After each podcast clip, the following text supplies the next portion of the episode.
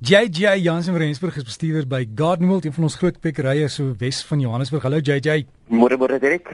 Jy het bietjie haalskade gehad aan die Wesrand van Gauteng nie, bietjie nie. Daar's ek dink die een winkelsentrum se dak het sommer aangeval, né? Ja, nee, wraggies jong, dit was nou verskriklik erg geweest laat nou. Ek slaap Saterdag aand eintlik, as ek sou kan sê, 5:00 in die middag daar rond.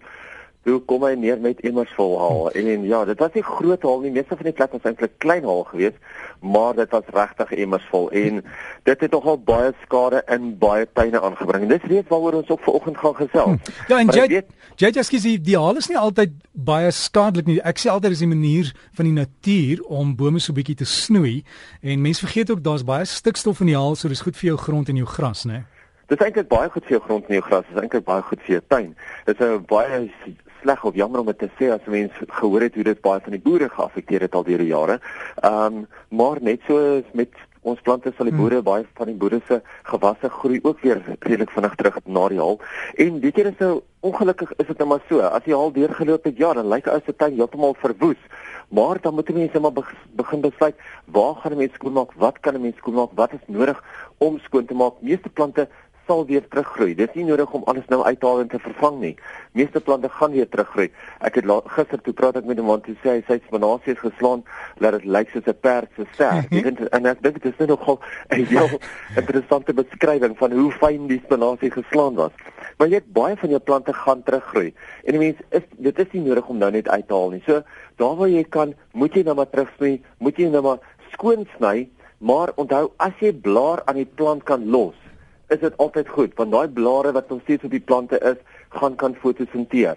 So moenie noodwendig net alles afsny nie. Kyk maar waar jy 'n bietjie kan los en laat die plante weer kan fotosinteer. JJ en al die blare en goed wat ons nou opgehark het, vriende van my sê hulle het tot 10 sakke in hulle klein tuintjie daar opgehark. Wat doen 'n mens daarmee? Ja, nee, natuurlik is dit beste om dit te gebruik of as 'n deklaag in jou tuin self onder die bome, so in plaas van dit om dit op te hark, kan jy dit net daar los en versprei of wat mense natuurlik kan doen is 'n komposhoop begin. En daai vars groen blare gaan eintlik verskriklik vinnig afbreek. Die groot belangrike ding is om dit nie te kompakteer nie. Baie mense het nie spasie nie, gooi hulle dit in 'n hoek, hoek of 'n hoop en dan gaan trap hulle dit nou mooi styf vas. En dit wil 'n mens nie doen nie. Jy wil reeds sê hy moet lug in hê sodat hy baie vinnig kan afbreek. Dan gaan 'n mens verskeie produkte bygooi om dit natuurlik aan te jaag en binne 2-3 maande het jy jou eie kompos wat wel belangrik is veral met jou kleiner saailinge en jou plante wat nou vir jou vinnig moet spring, terugspring en jy nog moet kleur of vrug gee as jy kyk na jou groentetuine is om jou plante te voer. Dit praat baie keer van 'n one for all kunsmis. Gaan kyk bietjie uit vir hom. Hy werk baie vinnig en hy's baie maklik. So mens kan baie maklik dit net om die plante strooi. Jy gooi hom nat en so een keer 'n maand, een keer elke 6 weke, strooi net 'n klein bietjie daarbey en dan gaan hy sommer vinnig daai plante weer nuwe krag gee, laat hy vinnig kan teruggroei. JJ, ek het ook 'n e-pos gehad van Henry wat vra die liquid amber, hulle sluit met daar naby die see of jy dit kan plant naby die naby die water en hy sê in George groei hulle baie goed daar, maar hy soek inheemse bome wat jy kan plant naby die see. Right, die liquid amber is nie inheems nie. Hy kom maar van Amerika se kant af, Amerika en Kanada. Um en hy behoort baie goed by die see te groei, mits jy hom net uit die wind uit kan hou. Want kan jy spreek in die wind op die blare gaan hom wel 'n bietjie affekteer omdat hy 'n redelike groot blaar het. Vir die van julle wat nou nie die liquid amber ken nie, hy lyk amper soos daai blaar op die Kanadese vlag. So as jy net kan dink aan daai blaar wat lyk soos 'n groot eikenhout blaar of 'n mapleblaar, dit is nou hoe jou liquid amber boom ook lyk. Maar daar is verskeie inheemse bome wat wel baie goed kan groei. Ek dink net maar aan jou wit stinkhout, ek dink net maar aan jou uh kopse esenhout. Daar is baie, maar gaan loer net wat groei in jou area, watter ander bome groei daar, dan weet jy wat gaan goed daar doen. Want ja, daar is geweldige baie ander faktore wat ons ook in gedagte moet hou, soos byvoorbeeld die soutsproei, soos byvoorbeeld die sanderige grond En dan natuurlik ook as jy praat van George, George het mos nie eintlik 'n see nie. So hulle behoort eintlik bietjie weg te wees van die see af. Yep. George lê mos nie uit nie 'n strand nie. So hulle behoort bietjie weg te wees. So ja, hy behoort eintlik baie goed daar te doen. Ja. En jy sê die beste is as jy rondry met jou selfoon, neem 'n foto van bome wat jy sien al oud en groot is langs die see. En dan ja. vat jy dit kwikker uit en sê dis 'n boom wat groei in my omgewing. Ek soek een van hulle. Dis hy, vra vir die kwekery, vra vir mense daarmee te help om dit te, te, identifiseer. Want dit is dan nogal heel interessant en heel maklik om te doen, want dan kan jy ook sien hoe die boom gaan groei as hy groter is. Jy weet baie mense sê ek soek 'n medium grootte boom. Wat is medium grootte boom? Jy weet, uh, so gaan kyk na die boom, kyk hoe groot hy is en dan kan jy besluit. En so gepraat van boom.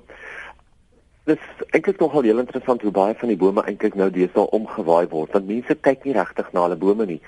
Of hulle plant hulle te vlak of hulle gee nie genoeg spasie vir die wortels om te ontwikkel nie, of die bome self is net nie 'n baie sterk boom nie. So mens moet bietjie gaan kyk watse bome jy plant, hoe sterk is die wortelstelsel? Gaan hy wel die boom kan ondersteun? Gaan hom kan dra in daar waar daar so baie sterk wind is? En is dit dalk nodig om gedeeltes van die boom terug te sny sodat jou boom minder windweerstand het want onthou daai windweerstand is baie belangrik vir ons natuurlik om die wind te keer maar te veel windweerstand gaan maak dat die boom maklik omgewaai kan word so pas op maar as jy om die boom grou wortels seermaak daai van goed maar maak ook seker dat jy se elke nou dan in jou bome inklim of iemand kry om net jou bome vir jou bietjie terug te sny sodat die windweerstand en daai massa daai las minder is. En dit kan 'n mens deur die jaar doen. Jy hoef dit nie net in die winter te doen nie. Ja. Veral nou wanneer jy daai massa kan sien, wanneer jy daai las kan sien, kry iemand of jy 'n bietjie jou bome terug te sny soos dit nodig is. En wees versigtig en JJ ek het ook so in ons koerantjie gesien. Ek dink die dieretuin soek blare vir 'n kameelperde of seker maar doringtakke. Dalk kan ek 'n kameelperd by hulle leer net om die bome bietjie sny. Maar JJ ons dis dalk dis dalk dalk jou huiswerk vir volgende keer as ons die dieretuin wil help. Waar kan mense jou kontak? Mense is welkom om my te kontak op e-pos by jj@gardenworld, dis jj by gardenworld.co.za of natuurlik op ons landlyn 011 957 2046. So gesels JJ Jans van Hesburg van Gardenworld, gaan loer op hulle webtuiste is gardenworld.co.za.